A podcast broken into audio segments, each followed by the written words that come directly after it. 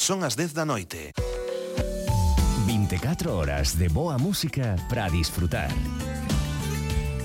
Radio Galega Música. Consellería do Ritmo en Radio Galega Música.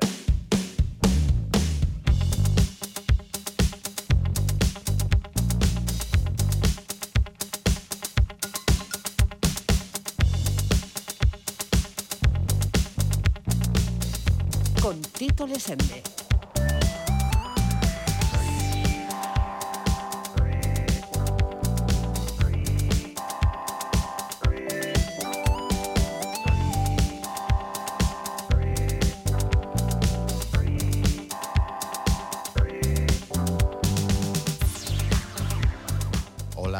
Está son Tito Lesende e quero presentarche o capítulo número 20 da Consellería do Ritmo, ese espazo para a música e a palabra na Radio Pública de Galicia.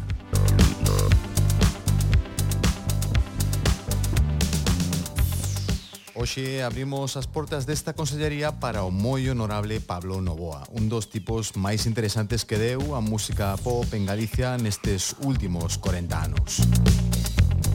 Pablo Novoa foi membro fundador daquela banda chamada Golpes Bajos e logo formou La Marabunta e tamén tocou durante moito tempo como integrante de Los Ronaldos ou como colaborador de Los Enemigos ou do Motor dos Enemigos de José Le Santiago.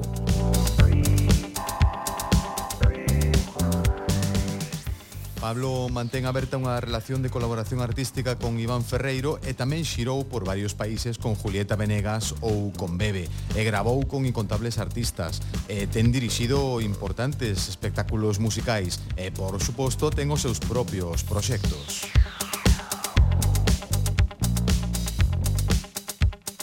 Ao longo dos anos, Pablo Novoa é considerado produtor, compositor e músico de enorme reputación. Temos moito do que falar hoxe. Actualmente é o xefe da banda de Leitmotiv, ese espazo televisivo dirixido por Andreu Buenafuente.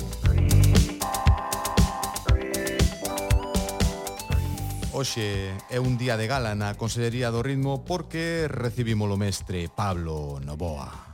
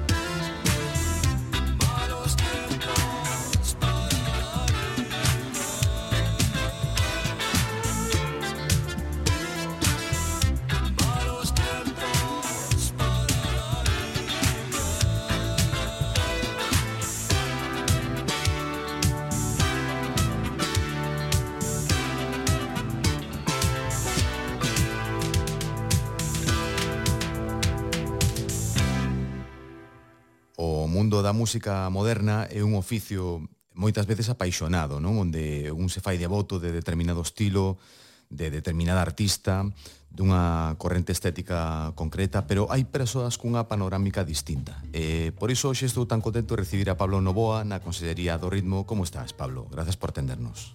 Nada, moitas gracias a ti, Tito, moitas gracias a vos, ao equipo que sexa, e para mí é unha honra que a xente se interese pola miña vida profesional, artística, eh, sempre un busca o interese o, o, o agrado do público e da xente que, que lle interesa a música. Claro, bueno, aquí estamos conectando por videoconferencia.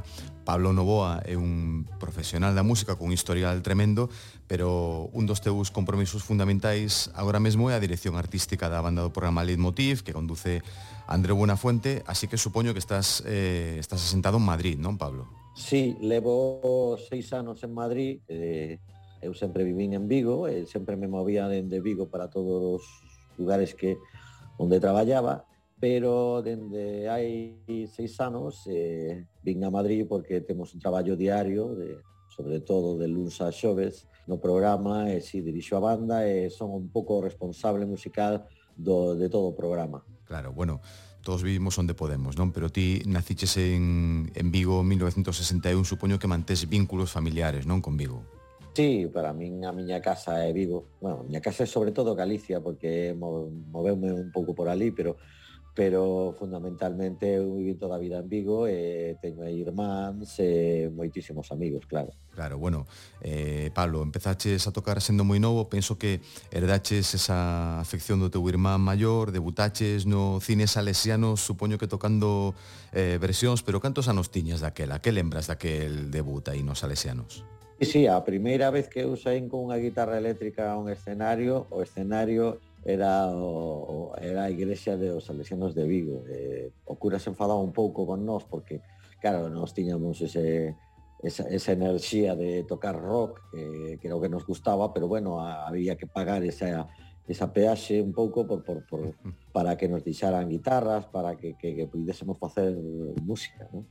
Despois de, de, de, de facer música na igrexa, digamos, eh, fixemos un grupo, unha, unha, bueno, a, a lógica, non? E o que queríamos facer e tocábamos cousas de, dos Beatles, dos, dos Rolling, bueno, eh, foi, foi un pouco a, a nosa academia musical como, como grupo.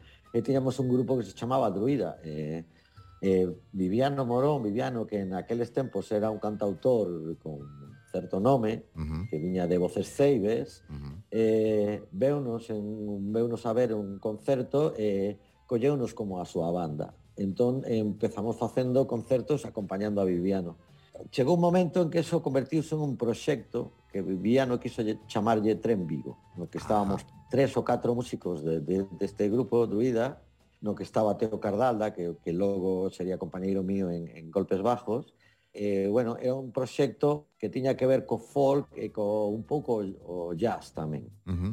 Pero ti, supoño, aínda serías menor de idade ou por aí, non? Non sei que perspectivas tiñas ti, por exemplo, eh, ou, ou podía ter calquera, non? Calquera música, músico profesional alá, por exemplo, no Vigo así do, do, de finais dos, dos 70. Realmente mm, víase posibilidades para o mundo da música ou, ou a mentalidade estaba noutro sitio? Bueno, eu sempre fun un pouco eh, realista e non moi optimista. Entón, primeiro que nos chamara Viviano, que para un rapaces de 16 anos era un cantante coñecido que tiña tres discos naqueles mm, momento, pois eh, foi un pouco unha demostración de que non éramos tan malos, que facíamos as cousas medianamente ben. Eh, con Viviano, pois pasamos esa, esa universidade de ir tocando por moitos sitios, Portugal, pero bueno, eh, os, digamos que o que cobrábamos era bastante humilde, eh, vamos, estamos falando de uns anos en que cando ias a tocar a Portugal eh, eh, cruzabas os dedos para chegar á fronteira unha da mañán que apechaban. Alguna vez quedamos ali. o sea, estas cousas pasaban, ibas a tocar a Ponte da Lima, eh, e o concerto era ás 11 da noite e a unha da mañán non chegabas para a fronteira, había fronteira e había que pasar eh, levar uns papéis con todos os instrumentos que levábamos e cousas así. Uh -huh. Cobrábamos algo en escudos, bueno, era unha cousa un pouco eh, rudimentaria, por decirlo de algún xeito amable. Eh, para nós foi toda unha experiencia, pero pero eh, non tiñas un pouco mentalidade de, de que iso fose a ser a túa vida. E logo pasou o que pasou, que entraches a formar parte dese grupo chamado Golpes Bajos e vicheste triunfando nun período de tempo bastante breve, non? Foi todo bastante rápido, non? Enchendo salas aí, soando pola radio, eh, de maneira constante. Supoño que foi algo flipante para ti tamén, non? Golpes Bajos foi un pouco xa o empurrón de decir temos un grupo, tras, eh, eh, eh, funciona por toda España, temos moito éxito. O éxito foi moi, moi, moi temprano, foi moi cedo.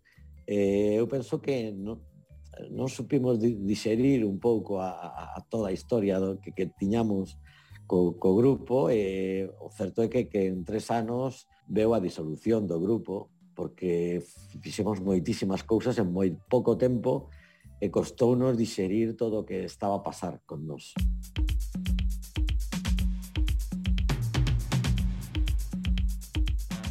Golpes Bajos foi o proxecto de Teo Cardalda e Germán Copini, unha parella creativa moi influenciada polo afterpunk eh, británico especialmente, pero eh, Pablo Novoa tivo un papel imprescindible no desenvolvemento musical daquel grupo e compuxo tamén a música de cancións tan significativas como este Colecciono Moscas.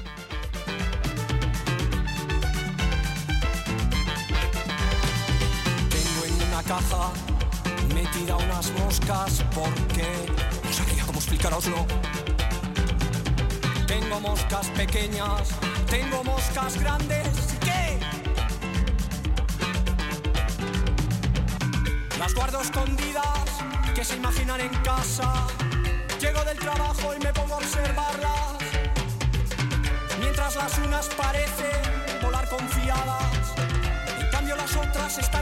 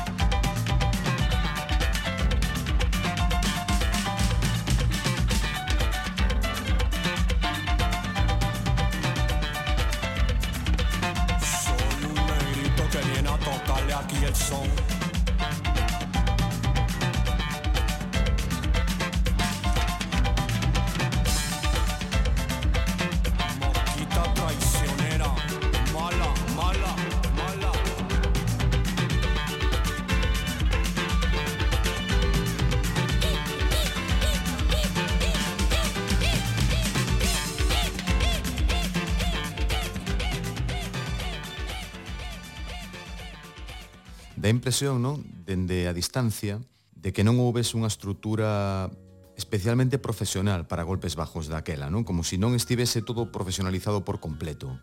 O backliner, o tío que te axudaba coas guitarras, era un colega. Eh, o tío que conducía a furgoneta era un colega que tiña unha furgoneta. Eh, Eso hoxendía está profesionalizado, o condutor de furgonetas é un condutor de furgonetas, non bebe, o tío que vai de backliner é un tipo que ocupase dese asunto, o sea, está todo, e os técnicos de son, hoxe día son técnicos de son, xente que estudou. Antes era un tipo que aprendía de, de era unha cousa máis artesana. Era un tipo que iba eh, que axudaba a outro e que logo cos anos pois facía el de técnico. Uh -huh. Non había estudios de, de, de son nos anos 70, non sei, en Londres e por aí sí, pero aquí en España non había. Entón, o, o medio non non estaba moi profesionalizado, pero para nós e para a maioría dos grupos. Ali dabanche calambrazos moitas veces. O, sea, era, o mellor a xente da zona era un tipo que levaba tempo facendo cousas con, con, con Lola Flores e tal, e todos estes grupos modernos pues, sabía que tiñan que tiñan éxito co, coa xente, pero non sabía moi ben como se facían as cousas. Bueno, supoño que ti daquela estaba soando pola radio a tope colecciono moscas, Eu lembro estar aí na cociña grabando cando aparecía Colecciono Moscas na radio grababa na cinta de casete e tal e dicía como mola este mundo da música pero desde a túa parte ti seguías estudando química. Bueno, eh, cando empezamos con, con, con golpes bajos eu conseguín rematar terceiro da carreira pero logo xa con, co este lío de concertos de, de un éxito moi grande e ademais é que a industria os managers tiraban de nós porque, bueno, o certo se movía diñeiro entón E a verdade é que foi un pouco extenuante, non sei, cando empezamos a tocar, pois ao principio tocábamos unha vez cada 15 días e tal, pero logo era continuo. Eu lembro xa un verán de decir, non collades máis concertos, que temos en dous meses eh, 47, non pode ser, xa máis, non sei como imos acabar. E bueno, eh, deixei a carreira aí parada, eh, dixen, bueno, xa rematarei, teño esta, esta primeira parte feita e xa rematarei porque non sei que vai durar isto. Uh -huh. Ademais, xa era unha carreira que me gustaba. Entón, bueno, o grupo acabou e decidín retomar a carreira. Es decir, bueno, non sei se si isto foi así un momento máxico na miña vida, porque ainda era moi novo, ou se si isto vai a seguir. Mira, de momento imos acabar a carreira e xa veremos onde acaban todas estas cousas. E acabáchela, claro. Sí, rematei, rematei a carreira pola UNED a distancia. Ajá. Vale. Pero xa nos tempos dos Ronaldos. Claro, porque ti despois de Golpes Bajos houve un, digamos, un, un período de, de transición e cando nos decatamos estabas aí tocando con los Ronaldos, non? Eh, estamos a falar de finais dos anos 80, de impactos comerciais como Idiota, como Sabor Salado, aí estabas ti tocando con los Ronaldos probablemente a un nivel de éxito aínda máis alto que con Golpes Bajos. Como te viches metido nesa aventura con los Ronaldos? ese punto intermedio que hai entre, o sea, esa, esa etapa intermedia que hai entre golpes bajos e o Ronaldo, se é unha etapa eso en que eu me poño a, a, a empezar a estudar a carreira, fago un grupo de rhythm and blues que se chama Os Tremendos, eh, produzo a Romeo que, bueno, estou toco con aerolíneas federales, e cando Ronaldos fan o segundo disco e teñen tanto éxito, se lles ocurre que Pablo Novoa é, pode ser unha boa opción para tocar guitarra e teclados, porque saben de golpes bajos que eu tocaba guitarra e teclados, Ajá. tiñamos a, amizade e ademais pois sabían que tiña un grupo de rhythm and blues que era algo moi cercano aos, aos Ronaldos, entón Ajá. pensaron que era a persoa adecuada. Eh, convertirme dun xeito así no quinto Ronaldo, iba con eles a todas partes. Ajá. Claro, esta foi como unha especie de reválida, non? Despois de golpes bajos, supoño que ti se tiñas aí unha sospeita de que iso podría ser algo aillado, viches que non, que con los Ronaldos tiñas como unha segunda como un, como un retorno, o retorno de Novoa, E non sei se disfrutaches sí. máis iso. Bueno, damos por suposto que había moito desfase, non? Naqueles anos moita festa, non sei se ti queres confirmar ou desmentir. A estas alturas da vida non vou non vou a negar nada. É certo que, que había moita festa, eh, tamén depende da época. Eu podo decir que provei de, de case todo, pero de case todo, porque, a ver, eh, nos tempos de golpes bajos nos estábamos con na mesma oficiña que, que, que, que Nacha Pop, eh, coñecíamos a Antonio Vega, tal, eh, sabíamos das seus querencias nas drogas e eh, dábanos medo. Nos fomos un... A ver, a nos tamén salvounos un pouco ser un un pouco cobardes, cobardicas con estas cousas. Entón, uh -huh.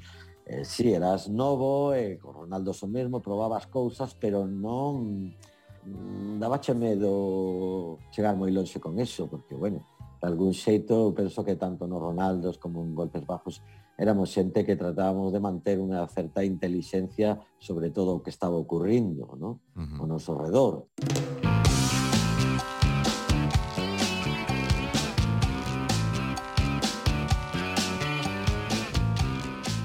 Pablo, Novoa viviu un enorme éxito con los Ronaldos, pero houve un momento no que o cantante Coquemalla decidiu enfocar a súa carreira no cine e, bueno, e aquel grupo, los Ronaldos, quedaron aí como parados, non? E aí o baterista Ricardo Moreno e Pablo Novoa montaron La Marabunta, cun papel fundamental, por certo, para o gran Nico Pastoriza, que viña de Bromea o qué. La marabunta recolleu loubanzas dos especialistas e da prensa por ese rock latino que naqueles anos practicaban tamén moi claramente Radio Futura ou Seguridade Social, non? Por exemplo. Pero claro, a diferenza deses grupos, la marabunta non chegou a cadar un gran éxito comercial, así que non durou.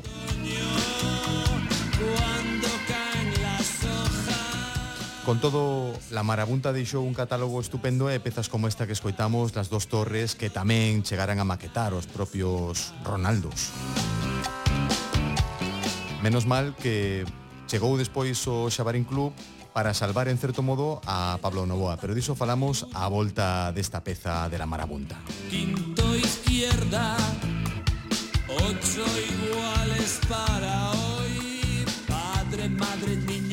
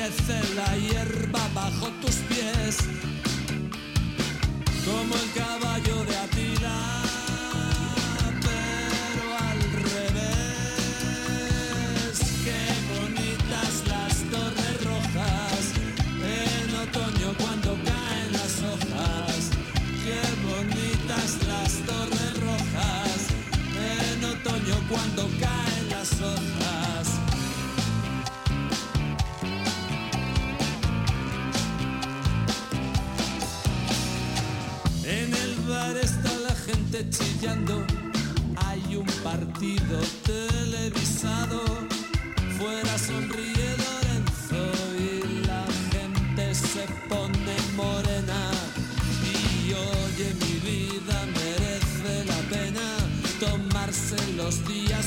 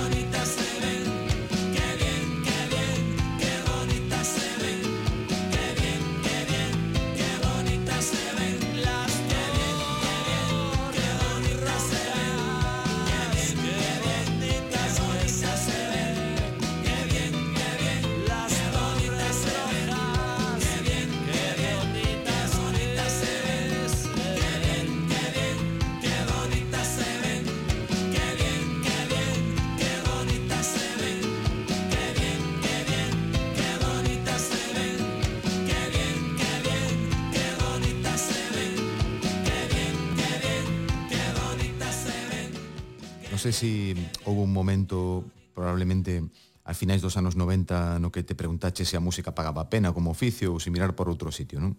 A, a Marabunta foi chamada, bueno, como, como saber incluso chamaba todos os grupos galegos e, bueno, e logo de Portugal e, e de outros sitios, uh -huh. para facer unha canción, pagaban xa canción, se facía un vídeo e, e chegou un momento en que digamos que fun o director musical do Sabarín Club Ajá. e foi o tempo no que se facían un gran espectáculo un, posiblemente o maior espectáculo no que eu estive en toda a miña vida foi o do Sabarín Club que uh -huh.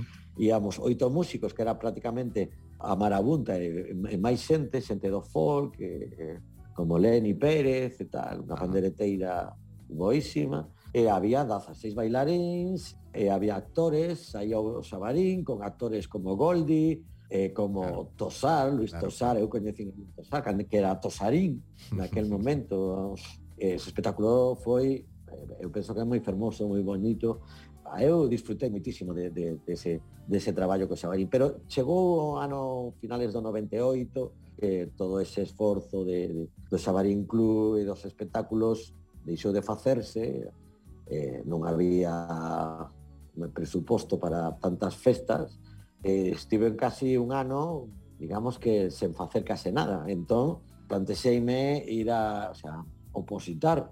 Chegou o momento de dedicarse a química, de mm. dar clases. E aí foi cando apareceu Nacho Mastreta, non? Nese, nese momento Nacho Mastreta que tiña que era un músico, bueno, é un músico de enorme prestixio, pero daquela ademais estaba en auxe, non, de maneira eh, moi especial e ti acabaches inmerso en aventuras musicais con Mastreta eh, tamén acompañando con el non aí a, a Tonino Carotone a Julieta Venegas non? fixiches por aí bolos con Julieta mm, por México, por, por Estados Unidos e aí estabas outra vez no escaparate por terceira vez Nacho Mastreta estaba na Marabunta, era un dos músicos da Marabunta, sí. e estaba no, en todos estes festivais e el teña o seu proxecto de música instrumental que si sí tuvo moito auxe, e de repente me chama Nacho e me di que, que vai a producir un disco de Tonino Carotone, me fun a Madrid a gravar as guitarras, e daquela eh, veu Julieta Venegas a Madrid, e claro, Julieta hoxe en día, pois, cando xira polo mundo, xa xira coa súa banda. Claro. Pero daquela era unha gran promesa da música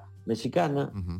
e xa, xa se coñecía un pouco en algúns ambientes en, en España. Pero claro, viña ela sola, e montaba banda aquí, e montamos unha banda para ela. Cando ela viña a España, a Europa, pois tocábamos con ela porque non tiña banda, non podía ter toda a súa, súa xente de México. E de repente saímos uns, uns concertos en, en México con, con Nacho Mastreta. E fuma a México, fixemos os concertos. Julieta Venegas me di, teño concertos meus, en Estados Unidos, en México, que necesito un guitarrista, porque marchouse o meu guitarrista. Ajá. Que non sabes como se chama o meu guitarrista, Pablo. Digo, mm, perdoa, pero non sei. Chámase Pablo Novoa. Digo, non pode ser. Eh, pues Julieta pasou de tocar, ter un guitarrista chamado Pablo Novoa, sentino, alto, con melenas, a ter outro Pablo Novoa, pequeno, español e sen melenas. E o certo é que chamoume Tonino, para facer unha xira por Italia, porque o seu disco empezou a funcionar moi ben en Italia, que é moi simpático todo o que fixo en Italia.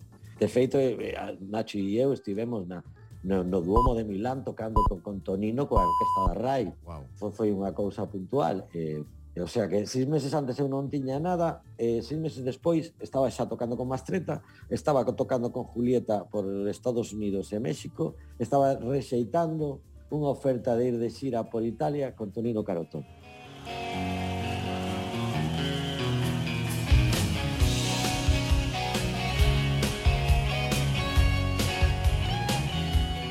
Escoitas o capítulo 20 da Consellería do Ritmo, neste caso un monográfico dedicado ao gran Pablo Novoa. Escoitamos agora desde el jergón, ese clásico de Los Enemigos, aquí interpretado co acompañamento de Pablo Novoa no seu disco en directo Obras Escocidas, publicado en 2001.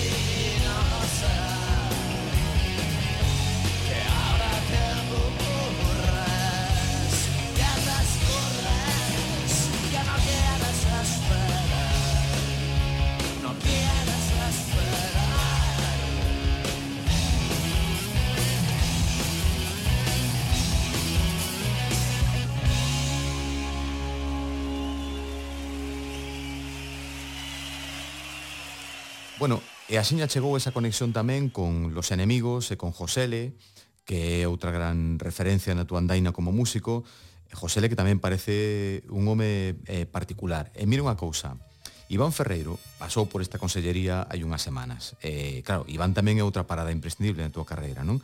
Eh, e Iván falounos de ti, sobre todo agradecendo o moito que ten aprendido contigo, eh, sobre todos os aspectos da profesión de músico, de artista, pero destacou especialmente de ti a gran capacidade que tes para adaptarte a diferentes artistas cos que tes colaborado na túa vida, non? E facer que todos brillen. Eh, el mencionaba, pero como pode ser unha mesma persoa consiga que brille José L, que entenda José L, que entenda a Bebe, eu que sei, Julieta Venegas, eh, Ketama, porque algo grabas, gravaches tamén por aí con, con Ketama, co que malla o propio, o propio Iván Ferreiro, non?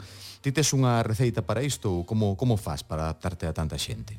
A verdade é que gustame moito a música, pero me gustan moitas músicas, Gústame un pouco de todo.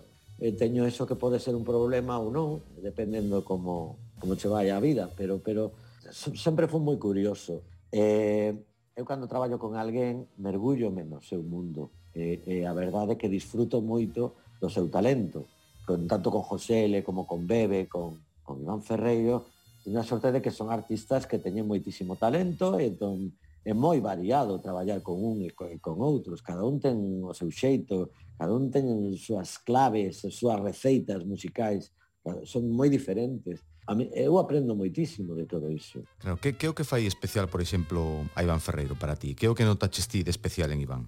Iván ten unha característica eh, enorme que te, ten unha capacidade, ten un amor por as cancións. É un detallista das cancións, coita as cancións, coita a letra, o, o entramado que se fai, eh, o traballo que fai coas letras el. É moi especial porque consegue eh, falar dun xeito moi eh, coloquial de cousas moi profundas, moi intensas, e ademais ten esa característica artista de que el abre o corazón claramente. Uh -huh. Bueno, tedes unha relación aberta aí, Iván e ti, porque ti tes un sillón para ti cando queiras entrar ou sair da, da banda, que iso supoño que denota eh, confianza polas dúas partes, tamén tedes un amor compartido, cada un desde o seu punto de vista, pero un amor compartido polo mundo da ciencia, e ese punto culminante da vosa relación, foi probablemente cena recalentada, non? Ese disco de homenaxe a Golpes Bajos, ao teu propio grupo, non? Que foi como unha volta ao principio para ti, pero non estou seguro de que fose un, un traballo sinxelo para ti, non? Precisamente por toda esa implicación emocional que había. Bueno, ese disco foi o disco máis difícil da miña vida. Ajá. Por varias razóns, o sea, primeiro eh Iván me di que quere gravar eh Golpes Bajos. Eh, me dixo, quero traballalo contigo e quero que o produzas ti pois oímos facer, pero era un, un reto moi difícil. Primeiro emocionalmente lembrar unha serie de cousas porque, claro, Germán xa non está, morreu, claro. eh, tivemos uns anos en que a relación con Teo con Germán foron moi malas porque les fixeron un disco sen contar con Luis e conmigo. Sí, é certo. Eh, un ano antes ou dous de morrer eu falei bastante con Germán. Tiñamos un proxecto xuntos, Germán e eu, De feito, digamos que o, o portavoz do grupo naquel momento quedei casi como eu, porque era o que tiña un vínculo con os outros tres. Mm. Luis ainda estaba enfadado, Germán e Teo tampouco andaban con, con moitas alegrías entre eles. E, e o certo é que, claro, o disco de Cena Recalentada para mí xa primeiro é é emocionalmente é, é complicado. E logo artísticamente ten un dilema moi claro para mí. Eso ten que ter un valor artístico. Entón, eso quere decir para min que este disco temos que darlle un sentido a que se faga neste momento, porque xa está feito todo, uh -huh. todo que, que está, está feito. E por outra banda, eu penso que o disco ten que res, respetar a esencia do grupo. Entón, tiven que facer un, un xogo de, de, de, de, de, de, dos platos con cuidado, de, de, de bolos, de equilibrio, de decir que o que é a esencia, que, debemos, que debemos respetar e que é o que podemos cambiar como poderías soar golpes bajos nos ano 2000 épico. Entón, bueno, fixemos un traballo de produción de decir caixas de ritmos, pero deste estilo, tal, por exemplo, as velocidades, todas as mesmas. Para min, eh, a velocidade das cancións era importante porque era parte dese sentido afterpunk de la, de la banda, era todo, iba todo, eu dime de conta, logo, iba todo rapidísimo, uh -huh. claro, que éramos uns rapaces de 20 anos, afterpunk e a, e a morte, iba todo. Entón, este disco, eh, o fixemos coa, sin, sin retocar nada, sen, e tratando de manter ese equilibrio que se decía hai un rato de, de, de, de ese lado agrio do grupo con ese, con ese lado amable, con claro. esa parte case eh, gregoriano de Germán ás veces cantando melodías casi sen melodía, uh -huh. eh, houve que respetar todo iso. Eh, bueno, a verdad es que estou bastante contento co que fixemos. Tamén lle dixe Iván, aquí hai moita xente que nos vai a crucificar, me dixo. Bueno, vale, non creo, eh, pero si é que sexa. A ver, pois que os crucifiquen.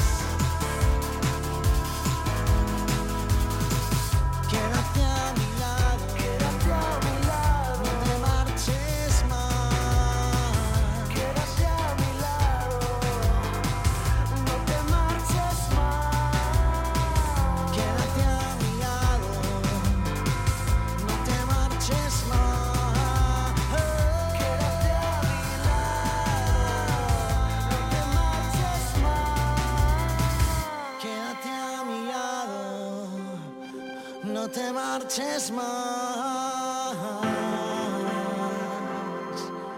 un tema que se chama Agua de Marte, un tema que escribiches para Luz, un tema soberbio, uh. e sempre pensei que me parecía raro, que casi parecía raro que non colaborases dunha maneira máis eh, exhaustiva con Luz Casal, porque pegabache moitísimo, por exemplo, eh, colaborar con Luz. Bueno, eu encantado, eu sempre colaborei con quen me chamou. A mí gustame moito compoñer, tamén é unha parte de min que se coñece case menos, pero eu, eu quedei encantado de colaborar con Luz, de, de facer esa canción, e bueno, eu, eu fixen xa un par de discos, digamos, en solitario, el de Novo claro. a Cruz al Atlántico, claro. que aí foi onde José le veu a banda e dixo quero esta banda para o meu disco, e a partir desde aí eu acabei tocando con el sendo o seu produtor, el de Radio Pesquera con Nono García, claro. ahora quero preparar un terceiro, pero bueno, a xente, digamos, do pop eh, poucas veces me chama para, para como compositor. Mm, e dis que estás preparando un novo, novo proxecto, pero, pero como? Como Pablo Novoa, como Radio Pesquera, que é o que tes aí na cabeza? Hai unha cousa que eu comecei antes da pandemia. Eu cando vin a, a, a Madrid, a verdade é que, que cheguei, eh, dime de conta, mira, tío, que vou a ser, ser sincero.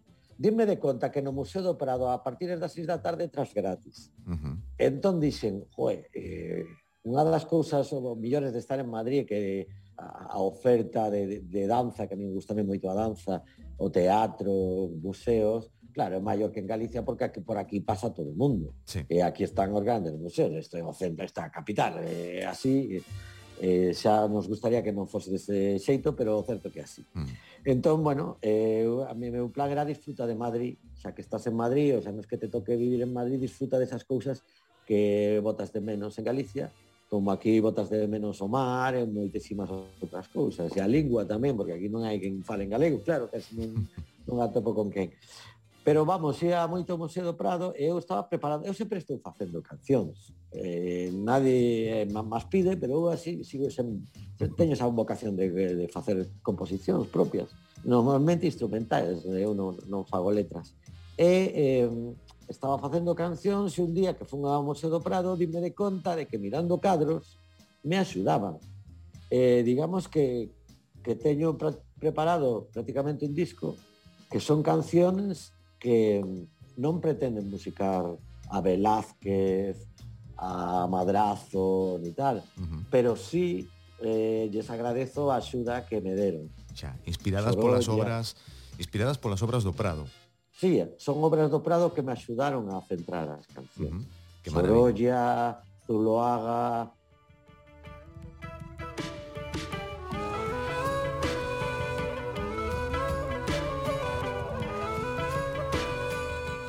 Seguimos na Consellería do Ritmo con noso convidado, o vigués Pablo Novoa, vigués ilustre. Este é o Diario de Navegantes, o seu proxecto vixente con Xosé Manuel Budiño, dándolle un meneo a cancións do repertorio de Budi como este Ollos de Sal con letra de Antón Reixa. En a batería, por certo, o fillo de Pablo, Fiz Novoa, excelente, percutor. Entramos na recta final da Consellería do Ritmo.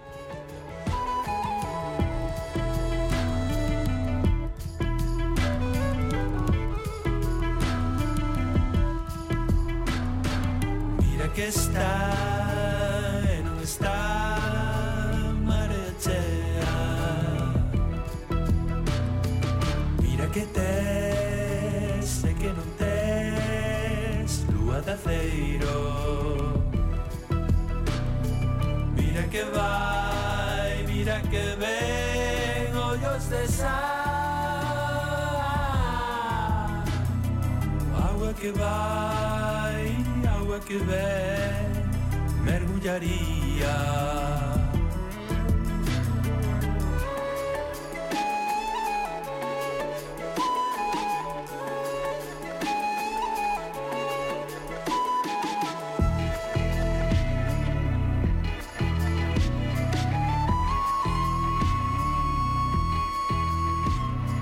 Mira que vai, mira que vai, mira que ven a noite fría.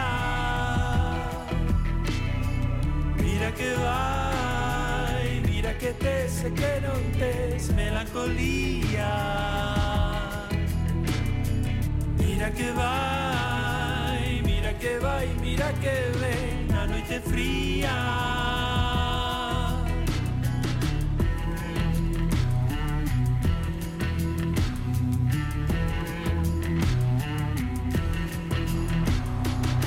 Ya que está e non está espirarea. Olla que tes e que non tes o meu aveiro Mira que vai, mira que ve meu loiro amor. Ollame amar vai vaivén de bullarías Mira que está en un está marea chea Mira que te sé que non tes lúa da teira Mira que vai, mira que ven ollos de sal que vai, mira que ven, melancolía.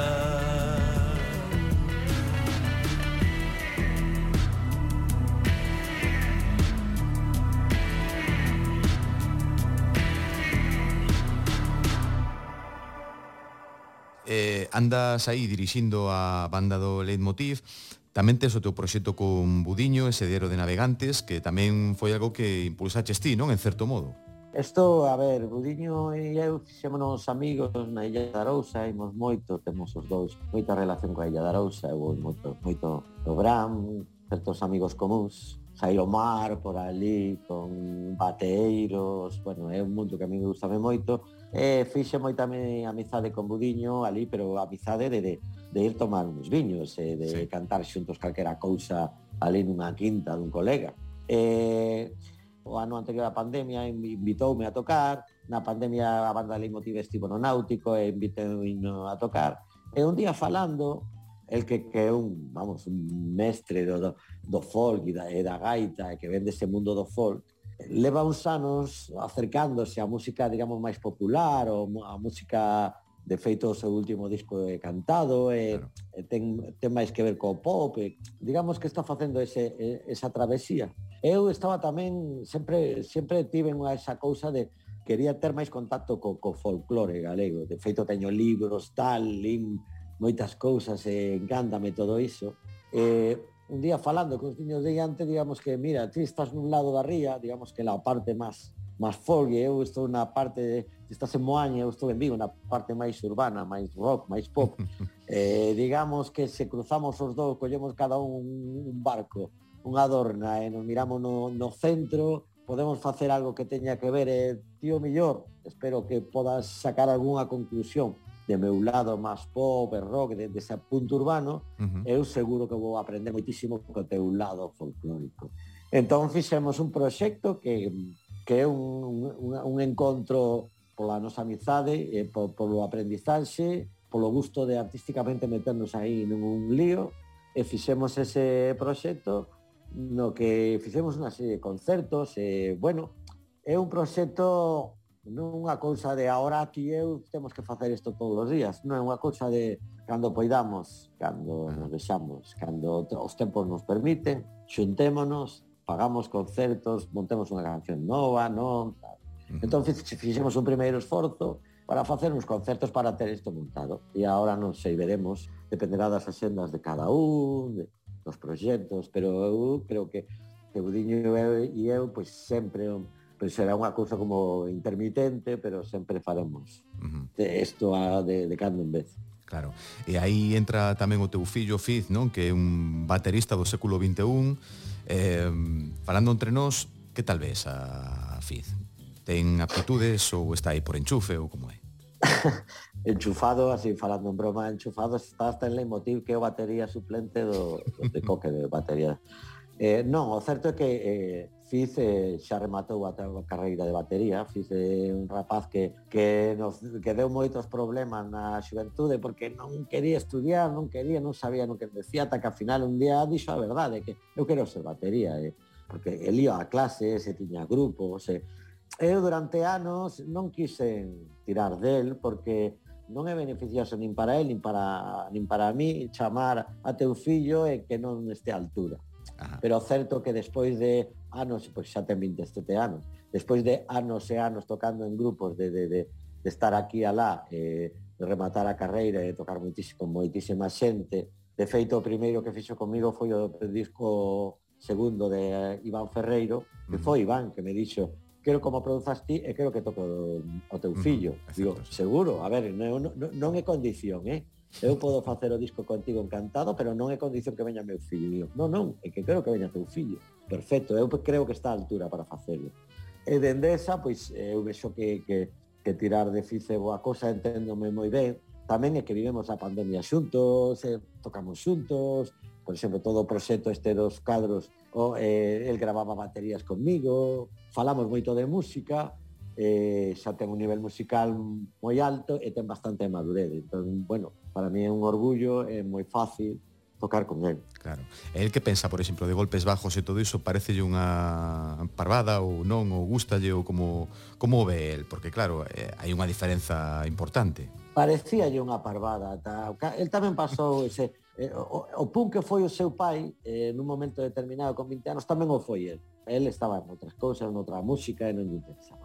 Pero co tempo empezou a interesar e agora é fanático de Mastreta empezou a entender un montón de cousas empezou a, a escoitar máis música cando empezou a abrirse madurou tamén como eu sempre lle decía como, como músico, si a escola, estudiar, tocar moito é importante, pero o músico, sobre todo, o que ten, ten que ter son uns coñecementos culturais, musicais enormes, moitas referencias. Se vas a tocar con alguén, xa outra cousa de tocar con moita xente, é ter as referencias que ten esa xente. O sea, non se toca a batería igual se acompaña San José, le que se acompaña Iván Ferreiro. Tens que saber que mundo de batería, que tipo de baterías, que tipo de cousas te gustan, que relacións tes co, coa electrónica ou non a tes coa electrónica, cando tes que tocar sin claqueta, cando é unha cousa con claqueta e todo disparado. Todo eso depende do, do, dos estilos. Entón, tens que escoitar moita música, aprender a abrir a mente, eu, eu vexo a moitos rapaces que tocan moitísimo técnicamente, eh, de coñecimentos de armonía e tal e cual, están moi adiantados, pero cuidado, esa parte, con todos os meus respetos ao circo, esa parte de, de habilidade é só un, un recurso para a música. A música é un arte, hai unha emoción. Se de un estilo non che gusta nada, malo. Non pode ser que todos sexan idiotas nun estilo. Algo ten que haber bo. Sempre hai xente boa e inteligente e con, con alma facendo calquer estilo de música aprende a entenderlo, aprende a tener una visión global da música. Claro. E emocionate, que de eso se trata. Claro, sen emoción e sen a expresividade probablemente a música non sería un arte, sería un deporte e estaremos falando non de, non de eh, artistas, nin de instrumentistas, sino de atletas. Non? Foi un gusto de, de conversa, Pablo. Eh, e antes de despedirte, quero agradecerche a túa visita, a túa atención e sobre todo precisamente esa visión que tes da música, non? Porque ti viviches eh, en tempo real moitas eh, correntes artísticas como profesional en activo, non? A movida, o pop latino, o grunge, non? O a electrónica, eh, o retorno da electrónica, o hip hop, a música urbana e a música urbana latina tamén, non? Pero ti só te comprometiches coa música en xeral, non, non con toda esta eh, restra de, de estilos, non? E iso penso que é un modelo interesantísimo, unha, unha ollada, non? interesantísima para calquera outra persoa que se dedique a este oficio. Así que, en fin, Pablo, grazas por tantas cancións, por tanta música e unha aperta forte. Unha aperta, moitísimas grazas a ti. Encántame contar estas cousas. Apertas, grazas, Pablo. Chao. Abrazos.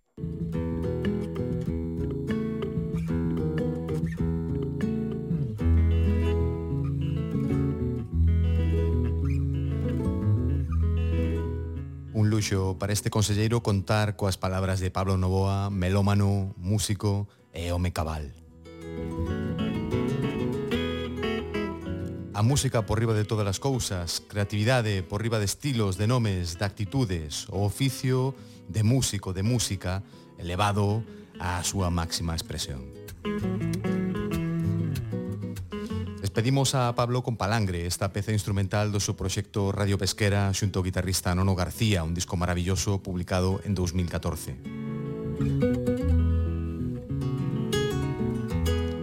Quedamos atentos ás novidades que cheguen dende o Campamento Novoa, ese repertorio propulsado polas obras do Museo do Prado, tamén posibles novas colaboracións con Budiño, con Radio Pesquera, con Iván Ferreiro ou que veña. Aquí remata esta hora de radio dedicada á música e á palabra, pero a Consellería reabrirá a vindeira semana neste mesmo día a esta mesma hora coa visita do outro nome de referencia no ámbito galego do rock and roll. Igocho por se nos escoitas en directo, pero tamén podes atopar a Consellería do Ritmo na plataforma radiogalegapodcast.gal dentro da categoría de musicais. Aí tes todos os episodios. Eh, tamén podes buscar a Consellería do Ritmo en iVox e ese almacén de podcasts. Eh, tamén respiramos en Facebook, en Instagram, como Consellería do Ritmo.